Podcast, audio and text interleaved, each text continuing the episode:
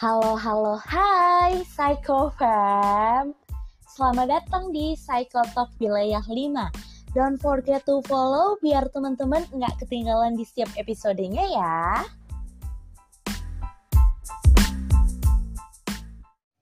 Hai Psycho Fam, kenalin aku Sophia dan ini adalah podcast pertama dari BPPM di periode ini. Sebelumnya aku mau tanya dulu nih ke Psycho Fam, kalian sekarang udah pada libur atau masih ujian atau bahkan lagi nungguin hasil IPK keluar nih? Hmm, pokoknya apa pun aktivitas teman-teman sekarang, semoga diberi kelancaran dan kemudahan ya. Oh ya, Psycho Fam, kalian udah pada tahu dong apa itu self reward? Biasanya nih, self reward akan diberikan kepada diri sendiri ketika kita sudah berhasil mencapai atau telah melewati sesuatu yang menantang. Iya, sesuatu yang menantang. Salah satunya adalah ujian. Dan pada episode kali ini kita akan sharing-sharing mengenai self reward selepas penatnya ujian. Eh, tapi aku nggak sendirian nih. Aku ditemenin sama Kak Lintang. Kita sapa dulu ya. Halo Kak Lintang. Halo Kak Sophia dan hai Psychofam. Gimana nih kabarnya Kak Lintang? Alhamdulillah, overall baik sih Kak. Oh iya, Psychofan. For your information aja nih, Kak Lintang ini adalah salah satu pengurus BPM wilayah 5. Dan saat ini Kak Lintang berkuliah di Universitas Negeri Malang yang sedang menduduki semester 2 sama aku semester 3. Bener nggak sih, Kak? Iya, betul banget. Dan kebetulan di Universitas Negeri Malang ini udah masuk pekan liburan semester loh, Kak. Wah, cepet banget gak sih hitungannya? Liburnya dari kapan tuh, Kak, kalau boleh tahu? Hmm, udah mulai bulan lalu sih, tanggal 20-an gitu. Tapi emang rumornya Universitas Negeri Malang itu liburnya selalu lebih cepat, Kak, daripada kampus-kampus lain. Oh gitu. Kalau udah masuk libur semester kayak gini, otomatis nilai udah keluar dong ya. Iya, betul banget. Kemarin hasil IPK aku udah keluar satu minggu setelah masuk ke liburan semester. Wah, keren sih UM gercep banget. Kalau aku pribadi, di semester genap ini aku ada penurunan nilai IPK. Ya, tipis sih turunnya. How about you, Kak Lintang? Iya, kita juga sama ya ternyata. Aku juga ada penurunan nilai, tapi ya gimana pun aku tetap mengapresiasi diriku sendiri sih, ya atas usaha dan pencapaianku juga. Ya, aku setuju banget sama Kak Lintang.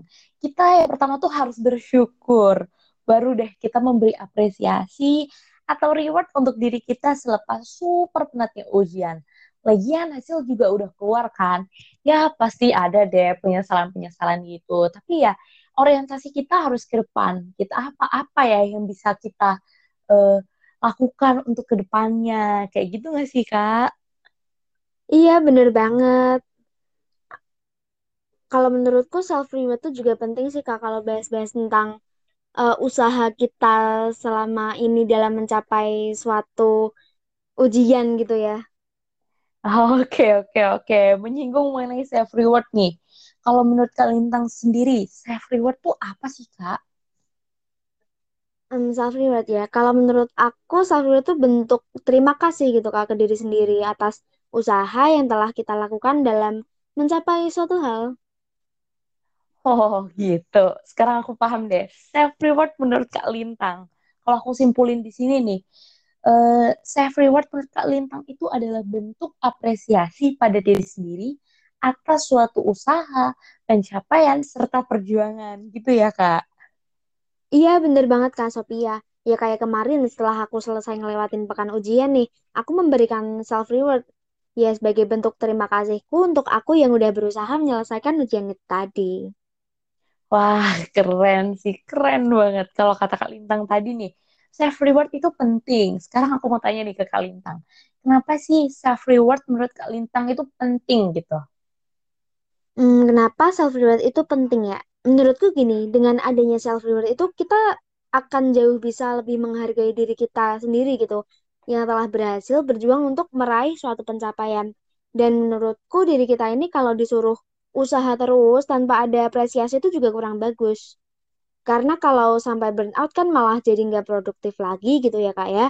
Jadi ya alangkah baiknya kalau sesekali tuh aku ngasih space buat aku yang udah berusaha menciptakan progres gitu kak kurang lebihnya. Iya sih, emang aku juga setuju banget sama Kak Lintang. Eh, kalau misalkan kita udah burn out nih, pasti kita kan jatuhnya jadi hopeless. Ya, ya udahlah kayak gitu-gitu aja, kayak nggak ada semangat gitu ya. Terus sekarang nih, kenapa penting? Aku paham nih, karena dengan adanya self reward itu tadi, kita jauh lebih bisa menghargai diri kita, kayak gitu ya Kak. Nah, kalau kemarin Kak Lintang udah ngelewatin pekan ujian, terus nilai juga udah keluar, self reward apa sih yang Kak Lintang berikan untuk diri kakak sendiri? Hmm, kalau aku sih self reward nggak harus berbentuk barang ya Kak Sophia. Jadi aku biasanya cukup banyak keluar dengan teman-temanku untuk sekedar bincang santai ataupun ngopi-ngopi itu udah self reward menurutku Kak. Atau mungkin bisa lebih sederhana lagi nih. Aku bisa menikmati momen di mana aku sadar kalau aku tuh lagi tenang, aku sedikit beban dan aku ngerasa kalau aku di dunia ini tuh nggak la- lari. Jadi aku lagi jalan menikmati gitu Kak. Dan yang pasti self reward itu nggak bikin kantong kering karena bakal repot lagi balikinnya. PR lagi deh kan. Iya sih, kalau udah kantong kering pusing pasti pasti deh. Nah, cukup simpel ya yang Kak Lintang lakuin nih. Keluar sama teman-teman untuk ngopi-ngopi santai atau sekedar bersyukur menikmati indahnya hidup. Simple sih, tapi pasti menyenangkan. Nah, ini nih yang bisa kita garis bawain Psychofam. Self reward tuh nggak perlu mahal. Pokoknya bisa bikin bahagia atau seneng aja udah cukup. Tapi perlu kita ketahui, masih banyak loh orang-orang tuh yang masih salah kaprah dalam menerapkan self reward sehingga bisa mengganggu kondisi kantong alias keuangan kita.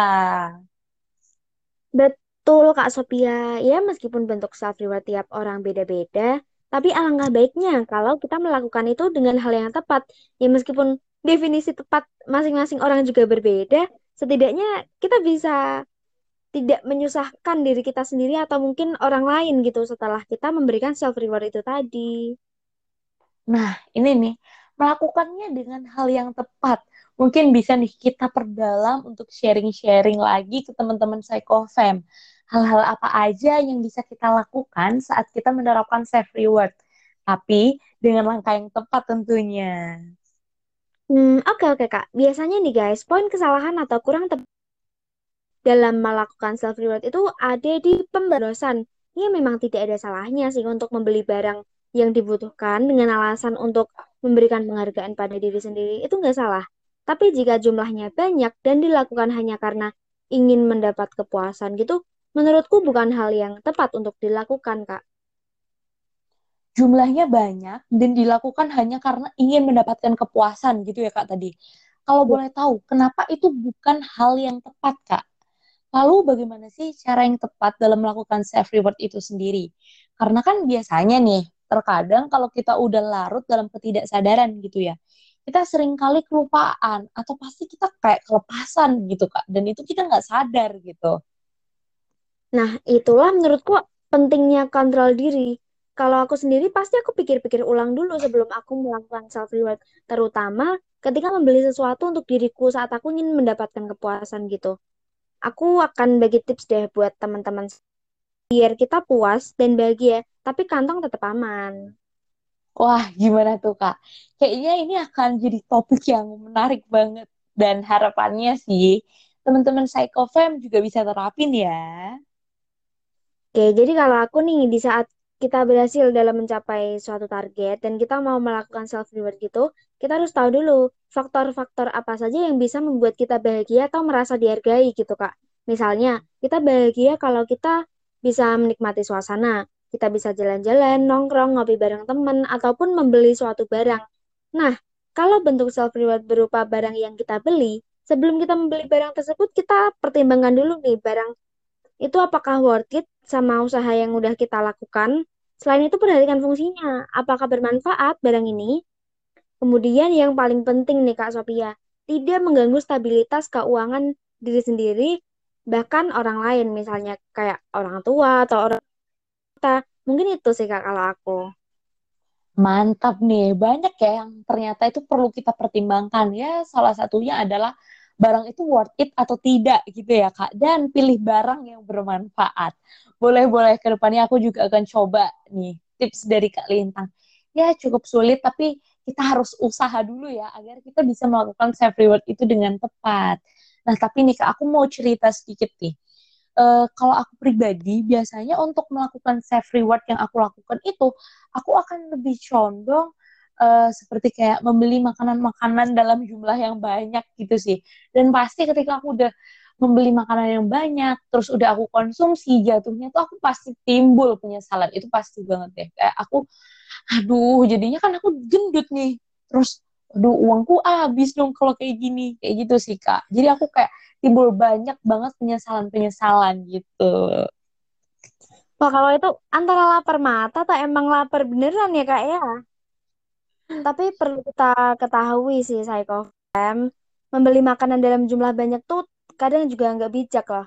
Karena akan menimbulkan dampak-dampak yang kurang bagus seperti nggak kemakan, ingin jadinya mubazir makanannya. Terus sama yang paling penting atau paling bahaya tuh untuk kondisi kesehatan tubuh kita gitu. Nah, benar sih Kak, betul banget. Itu juga yang biasanya tuh jadi kayak faktor penyesalan aku gitu. Tapi semakin ke sini tuh aku punya prinsip sih buat diriku sendiri sebelum melakukan self reward. Jadi kan ya namanya aja self reward gitu ya. Aku jadi harus memberikan yang terbaik untuk diriku sendiri gitu. Dan dengan menerapkan prinsip itu, aku ya mulailah mengulangi hal-hal yang gak ada benefitnya untuk diriku gitu kak. Wah, berarti Kak Sophia sekarang udah tahu dong gimana cara melakukan self reward itu dengan tepat, ya kan? Ya, lumayan sih. Lebih tepatnya aku sedang belajar gitu, Kak. Apalagi dengan sharing-sharing gini sama Kak Lintang. Nih, aku jadi banyak dapat insight-insight baru. Terus ya, dapat tips-tips juga dari Kak Lintang. Kak Sofia bisa aja. Tapi semoga teman-teman Psychofam juga bisa ambil manfaatnya ya.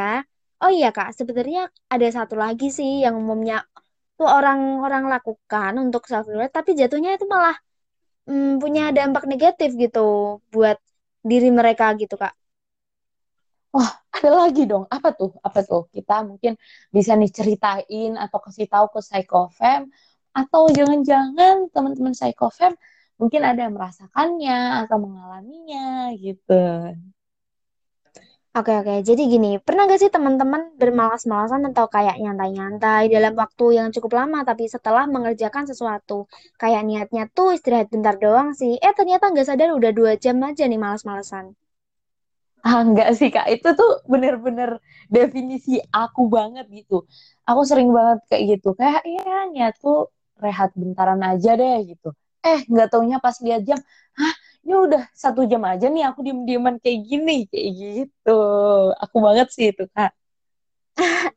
Nah kan ya sebaiknya sih kalau menurutku ya gak apa-apa banget kita melakukan self reward dengan bersantai setelah mengerjakan sesuatu. Tapi kita harus kasih batasan nih kak biar kita tuh juga nggak terlalu larut gitu dalam kemalasan itu sendiri.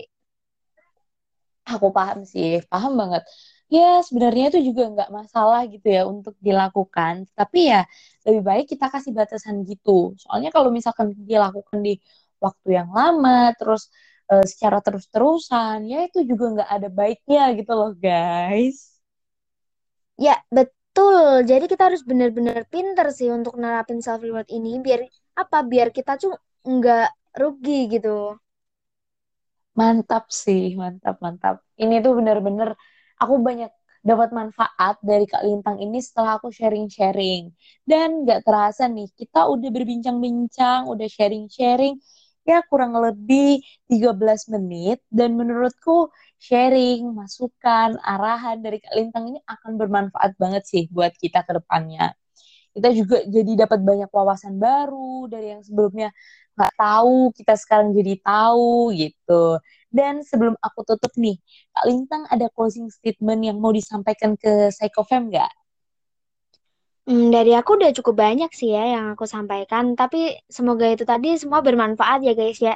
Dan satu kata lagi, sayangi diri kita dengan self love tapi ingat jangan sampai merugikan, apalagi sampai menguras kantong.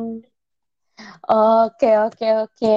Semoga aku di akhir dari Kak Lintang ini bisa kita terapin bersama ya, Psychofem Dan nggak terasa sudah sampai ujung pembahasan dalam topik kita kali ini.